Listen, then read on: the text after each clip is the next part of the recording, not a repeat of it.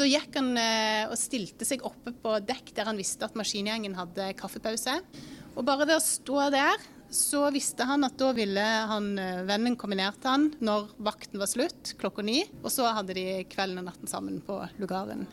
Du hører på podkasten Skeiv historie fra Skeivt arkiv ved Universitetet i Bergen. Mitt navn er Bjørn André Vidvei, og i denne episoden om skeiv historie, så har tatt turen til Bergens sjøfartsmuseum. Her forskes det på skeivhet til sjøs. Konservatorene Bård Gram Økland og Gry Bang Andersen åpna 28.10 i fjor en utstilling med nettopp dette temaet.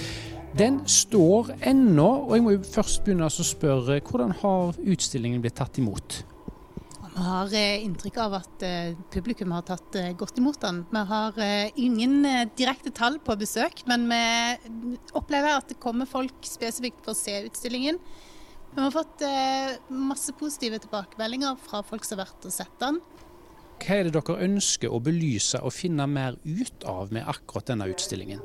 Altså, det, det, jeg må først si da, det er at altså, når du tenker på sjøfartshistorie, så er det jo litt sånn mye økonomi og eh, teknologi, og du ser kanskje for deg et museum med masse båtmodeller og sånt.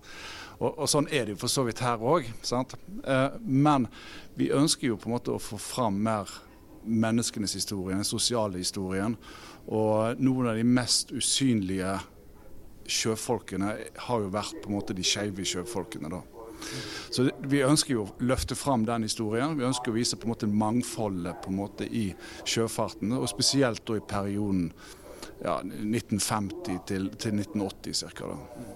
Og Dette er jo da den såkalte gullalderen i norsk sjøfart, eh, hvor det på det meste arbeider 60 000 personer på norske skip.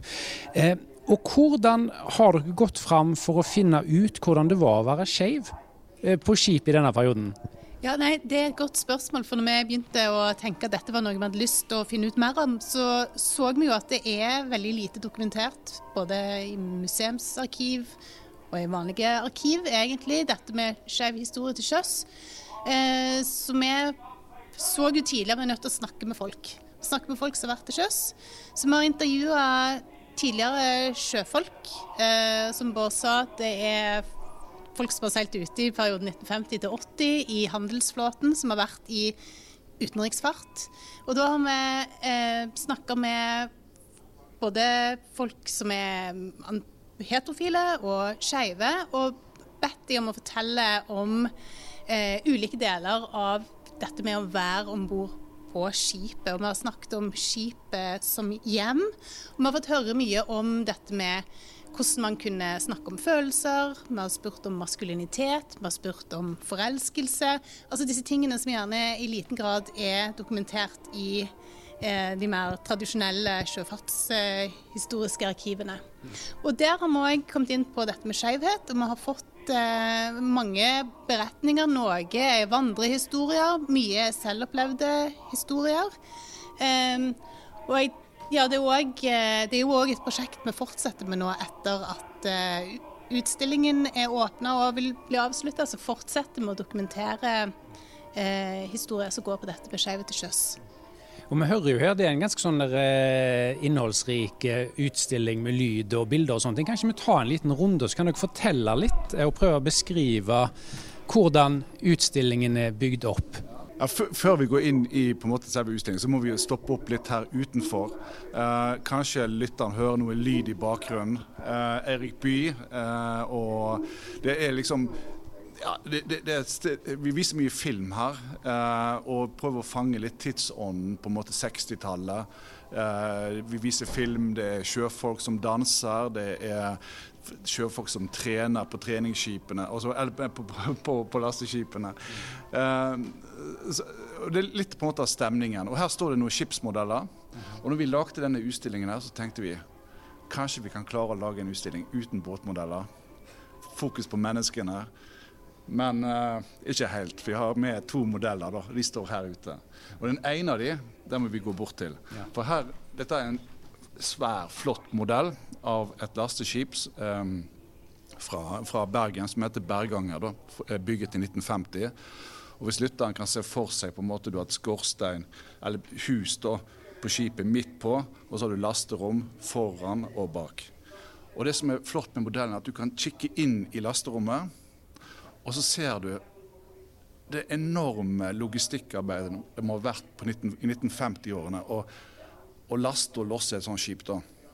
Og sant? Jeg har snakket med folk som har jobbet på dette skipet, og de forteller at de brukte kanskje to uker i havn for å laste. Sant? Og det forteller noe. Det forteller at på den tiden der så hadde sjøfolkene en fantastisk mulighet til å oppleve havnebyene og virkelig utforske dem på en helt annen måte enn i dag. I dag er skipene kanskje fem ganger større, laster på én dag og ligger i terminaler utenfor byene. Men den gangen, 50-årene, så, så, så, gjorde det at man virkelig kunne oppleve verden på en helt annen måte da, enn i dag. Og Da er det jo sånn at mange av disse sjøfolkene disse 14 dagene de hadde i land, da hadde de mange muligheter til kanskje da finne ut om ting og besøke steder de hadde hørt om. Og Det er jo noe dere har fått høre om i disse intervjuene dere har utført. Ja, eh, det, det å oppsøke og få erfaringer fra havneby er viktig. Men det første du kommer til når du kommer inn i utstillingen, det er jo et maskinrom. da. Eh, og her er jo tanken å eh, vise litt mer om mannssamfunnet om bord. Ja, og det er jo helt klart at eh, på 50-60-tallet så var det et mannssamfunn om bord. Det var jo selvsagt enkelte kvinner som seilte, men overalt eh, overordna så var det et mannssamfunn. Man må også tenke at disse sjøfolkene de var ute i lang periode. Eh, de som seilte utenriksfart, var gjerne ute i på 60-tallet ett år, ett og et halvt år før de hadde fri hjemreise. Så det ble veldig sånn lite, tett miljø om bord på skipet. Og det var eh, Det blir jo òg da et, eh, et, miljø der eh, det er et strengt hierarki. og Det er veldig sånn, delt mellom hvem som jobber på dekk, de som jobber i maskin, og de som jobber med forpleining. Og forpleining det er da de som enten var stuart eller kokk, eller eh, altså, ordna i lugaren og sånne ting. Og Dere har jo eh, et sitat her fra en av informantene deres som dere har skrevet på veggen. Det må du lese. Ja. Der sier den informanten vår at maskinen det er gutta boys med store muskler og stor munn og kraft, og, og hvem som blir fullest og tøffest, og hvem som kan slåss mest, og hvem som kan spy mest.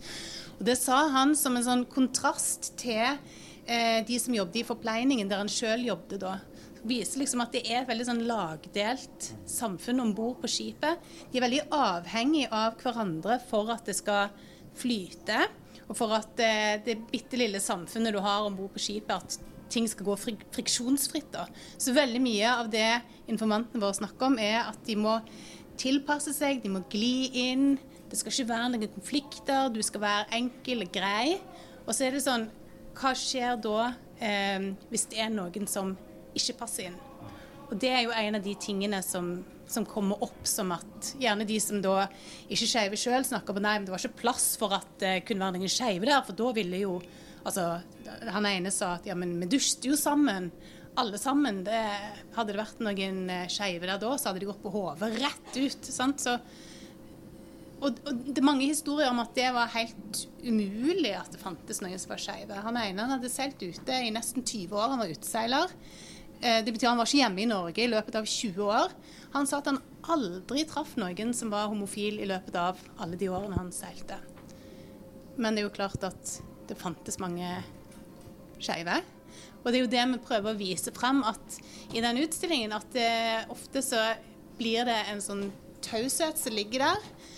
Men at den òg gir både at den gir et stort handlingsrom òg, da. Nettopp det at eh, enkelte kunne tro at det aldri var noen homofile om bord, men at det faktisk selvfølgelig var det. Så prøver vi å av, avdekke på en måte hvilke, hvilke muligheter som var, men òg hvilken motstand vi møtte som skeiv til sjøs. For Det er jo interessant det du sier, han der eh, informanten du refererte til som aldri hadde møtt noen. Men så har vi jo eh, talende bevis, eh, f.eks. For i form av eh, kontaktannonser i et blad som heter Vennen. Det må du fortelle litt om. Ja, Vennen det er jo et eh, dansk eh, tidsskrift. Eh, kom ut første gang i 1947. Så det hadde lesere over hele Skandinavia. Og I Vennen, Jeg kom ut en gang i måneden, og i Vennen der er det kontaktannonser hver måned. Så der kunne man under full diskresjon eh, komme i kontakt med andre eh, skeive i hele Skandinavia. Og Der ser vi jo at de, det går igjen i en del av disse kontaktannonsene at man søker etter sjøoffiserer, er det noen som leter etter. Ønsker kontakt med sjømann. Eh, og det er noe som går igjen. Så det viser at eh, her er et handlingsrom, men diskusjonen blir da en, en viktig, viktig, ting. Og Vi ser òg på de informantene vi har snakket med, at de sier at det var kanskje lettere å være skeiv hvis du jobbet i forpleiningen som kokk eller sturt, for du kunne vel lett få deg jobb andre steder om du skulle bli oppdaga og sparka. Men det er jo helt klart at hvis du var sjøoffiser, så var hele karrieren din bygga opp på det å jobbe på et skip. og eh, Derfor virker det som om det var en enda sterkere taushetslov over det. Jeg kan bare lese den ene her. Her står det 'Norge. Offiser i handelsflåten i 40-årsalderen søker bekjentskap med slank, stabil mann med gode interesser i alderen 25 til 30 år, helst Telemark eller Oslo'. Det er, det er veldig rørende, syns jeg, å se eh, en del av disse, disse annonsene. Og jeg tenker at det, det, ligger så mye håp og lengsler i de kontaktannonsene òg. Og jeg må jo si en annen, eh, en annen tidligere sjømann vi snakket med, han fortalte om at han, han jobbet selv i forpleiningen da han var, eh, jobb, jobbet som kokk. Eh, og han fortalte at han eh, hadde en, eh, en, venn som var, eh, som var maskinist. og de hadde et forhold som gikk over flere båter. Det strakte seg over flere år. men det var ingen som visste at de kjente hverandre. Og hver gang, altså De snakket aldri sammen om bord på skipet. Så hver gang eh, han informanten vår ville, ha, eh, ville treffe han, eh, vennen sin, så gikk han eh, og stilte seg oppe på dekk der han visste at maskingjengen hadde kaffepause. Han gikk der når det var kaffepause. Og bare ved å stå der, så visste han at da ville, ville han, eh, vennen kombinert han når vakten var slutt, klokka ni. Og så hadde de kvelden og natten sammen på lugaren. Og dette strakte seg over flere år. Men ingen visste at de kjente hverandre. Ikke et ord ble sagt. Så en sånn konklusjon litt på akkurat dette her dere har snakket om, dette livet til sjøs, det er at det var Det fantes, men det var altså taushetsbelagt, ikke snakket om, og rett og slett ikke synlig. Ja, det var, det var, ikke, det var ikke, synlig. og, og sånn, man, Mange forteller at de visste kanskje hvem som var skeiv, men, men, det var ikke noe man snakket om. Det var en slags uh, åpen hemmelighet på en måte uh, på, på, det. Og Det var jo ikke bare sånn i, uh, i, på skipene, det var jo sånn i hele samfunnet ikke sant, på, på den tiden her. Og eh, vi har et veldig godt samarbeid med Skeivt arkiv. Eh, eh, både for å få tak i informanter og kilder, men Skeivt arkiv har jo laget en film til, til utstillingen. Og Den handler jo om sjømann Rolf Sirnes fra Haugesund, som traff skuespilleren, amerikanske skuespilleren Hyman. Så noen kanskje kjenner igjen fra The Cosby Show, som bestefar Cosby. Og den, eh, det er jo en rørende historie, det òg, som forteller om eh, eh det samlivet de hadde, som uh, ingen stilte spørsmål ved, som ikke, ikke fikk noe oppmerksomhet, som ikke ble gjort noe nummer ut av. på en måte. Selv om Hyman ofte var i Norge, og de var, hadde landsted sant, på Vestlandet, og, og Hyman ble omtalt som norgesvenn. Var skuespiller og opptrådte på scener i Norge, og Amanda-show og alt dette her. Sant? Sant? Men, men, men, det var en taushet over det. ingen, ingen tok den historien på, på en måte den gangen, da. Men så har dere jo òg i løpet av dette arbeidet og avdekka noen historier til folk som ikke klarte på en måte å, å, gjøre et liv ut av dette. Altså De klarte liksom ikke denne her, eh, eh, hemmeligheten, dette skjulte. Kan du ikke si litt om det? Ja, Vi har jo òg eh, Vi tenker jo at det er viktig å få frem både eh, muligheter, men òg motstand man møtte som skeiv til sjøs. Og En av de eh, tingene vi trekker frem, er jo diverse former for motstand som man kunne møte som, som eh, skeiv til sjøs. Og Da er det jo ting som at man er redd for å få sparken, at man får juling, at, man, eh, at ryktene går, at man blir baksnakka. Men så er det jo òg et faktum at sjøfolk hadde en høyere selvmordsrate enn enn folk på land. Eh, og vi har en sak fra, som, som, gikk til Høyesterett i 1973, som handler om en, eh, en sjømann som eh, kutta over pulsåren sin og hoppa på sjøen. Eh, han etterlot seg et brev til familien der han skriver at eh, han ikke klarer å leve lenger med sitt handikap, som han kaller det.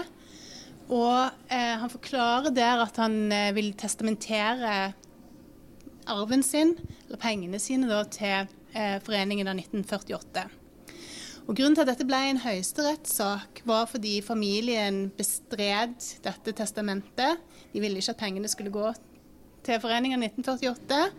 Eh, saken gikk til Høyesterett, og der var det familien som, som vant. Og bakgrunnen av dette her var jo, eller Grunnen til at familien vant, var at eh, de mente han var sjelelig svekka. Han hadde oppsøkt psykolog eh, tidligere. Men det som er interessant, er jo at i rettsdokumentet så er det jo flere kilder som blir eh, intervjua. Og det er tydelig at han har snakket med flere av de eh, han seilte med. Hadde fortalt det når han var eh, full, eller når det var fester og sånne ting sted, at han hadde betrodd seg til noen. Eh, han hadde også fortalt at han var medlem av foreningen i 1948. Så, men at han hadde da prøvd å gå til psykolog for å få, for å få hjelp. Så det jo, viser jo egentlig dette hvor, hvor tungt det er eh, kunne være å gå og bære på det. Og jeg tenker det ligger en enorm ensomhet eh, og fortvilelse. Eh, og Derfor er det jo egentlig fantastisk at et sånt rettsdokument kan, kan belyse det. For ofte så Som regel er jo dette sånne saker som, som aldri ville fått noe, fått noe Vi ville ikke visst om det hvis det ikke hadde vært for denne dommen. Dere sa jo innledningsvis her at utstillingen har vært godt besøkt. og Nå fra 1.3 um, skal dere òg begynne med skoleopplegg. Hva går det ut på? Ja, det, det blir veldig gøy. Uh, vi har jo masse forskjellige undervisningsopplegg her på Bergen sjøfartsmuseum. Og, og, uh, men vi har aldri hatt et opplegg før som har gått inn på skeiv historie. Da. Og uh, det det går ut på, det er at uh, elevene skal få et kan si, altså det, For å si det sånn, dette er videregående elever. da, også elever i den videregående skolen, mener jeg. Så, så, de skal få et foredrag først, et innlegg på en måte, om uh, forskningen som ligger bak utstillingen. Eh, og så uh, går de i utstillingen og utforsker den sjøl med oppgaver, med problemstillinger som de skal løse, eller reflektere over. da. Og så samles vi til slutt i en, si, en gruppe for å diskutere eh, både inntrykk fra det de har lært og sett og jobbet med, men òg ut ifra sammenligne litt med hva egne refleksjoner har de rundt skeivhet. Så, så, så, så, jeg tror det kan bli kjempegøy. Det blir glemt til diskusjonene og, og, og samtaler med, med, med, elevene. da. Så, så, det er veldig kjekt at på en måte utstillingen kan brukes og på en måte skape på en måte tanker og, og refleksjoner. Vi må òg snakke om eh, mulighetene som lå i dette livet, og som dere òg presenterer i utstillingen. Ja, for det er jo kjempeviktig å få fram at uh, de vi har snakket med, der er det enormt mange fine og gode historier. vi hører sjøfolk som forteller at de har hatt tiden til sjøs virkelig har, har vært det som har prega livet deres. Og eh, En ting som jeg syns er kjekt å få frem i slutten av utstillingen, som handler om muligheter, det er eh, hvordan vi som museum kan bruke en gjenstand til å fortelle flere historier. For som Bård sa innledningsvis, dette er et museum fullt av skipsmodeller, eh, med veldig lite fokus på den sosiale historien. Veldig mye fokus på tonnasje og hvor det har gått i frakt og disse tingene her. Så vi vil bruke slutten av utstillingen til å vise eh, Bergensbåten, eh, Englandsbåten Leda, som, eh, som, veldig mange her i Bergen kjenner til. Eh, og der eh, en av, eh, en, av, de sjøfolkene vi har snakket med, han jobbet om bord på, på Englandsbåten. og han forteller om hvor viktig det å jobbe på den båten var for han, hvordan han kom i kontakt med Eh, fikk gått på skeive utesteder i, i, Newcastle. Og hvordan han fikk eh, impulser der Eh, og når han kom hjem til Bergen, så satt eh, kompisene hans eh, på kaien og venta på han. og da eh, sa han at den ene gangen han gikk i land fra båten, så ropte de 'Nå kommer Nordsjøens dronning hjem'. Og for han så var den tiden til sjøs helt, helt, fantastisk. Eh, og bød på masse, masse erfaringer som han tok med seg hjem her i Bergen. Og han var jo aktiv med å starte, starte opp eh, utesteder her i, i Bergen. Du, dette arbeidet dere driver med på Bergens sjøfartsmuseum, det slutter ikke med denne utstillingen. Dere har noen videre planer, og det må du si litt om. Ja, eh, nå, Så langt så har vi skrevet en artikkel i den antologien eh, Skeiv lokalhistorie, som kom ut på Nasjonalbiblioteket. Og Der pirker vi litt borti tematikken, på en måte. Men det er så mye mer, ser vi, og mye mer spennende ting å gå inn på. Så nå, eh, det vi skal begynne på nå, det er at vi vil eh, se mer på og skrive om eh, møtet med havnene, havneopplevelsene som skeive sjøfolk eh, gjorde seg. Hva, hva, muligheter så de, hva, hva opplevelser hadde de der? Og det, det, det, er masse gøy der. Men én ting er jo Dennis Bar, en legendarisk bar i Antwerpen som alle måtte innom. Streite heterofile eh, gikk der for, av nysgjerrighetsgrunner f.eks. Men, men, men der kunne man skeive sjøfolk møte andre skeive, og det var mer åpenlyst, på en måte. Det var ikke så skjult. Der, men òg i Singapore og, og California og Miami og alle disse stedene her, eh, åpnet opp muligheter. da. Eh, og for de som har lyst til å komme og se utstillingen fysisk, ikke bare høre om den gjennom podkast, eh, hvor lenge har du mulighet til det? Den eh, blir stående hele 2023. Vi er åpent hver dag, så det er bare å komme. Du har hørt på podkasten Skeiv historie fra Skeivt arkiv. I dag har vi altså besøkt utstillingen Skeivhet til sjøs på Bergens sjøfartsmuseum, hvor vi har eh, prata med konservatorene Bård Gram Økland og Gry Bang Andersen. Takk for at du hører på oss.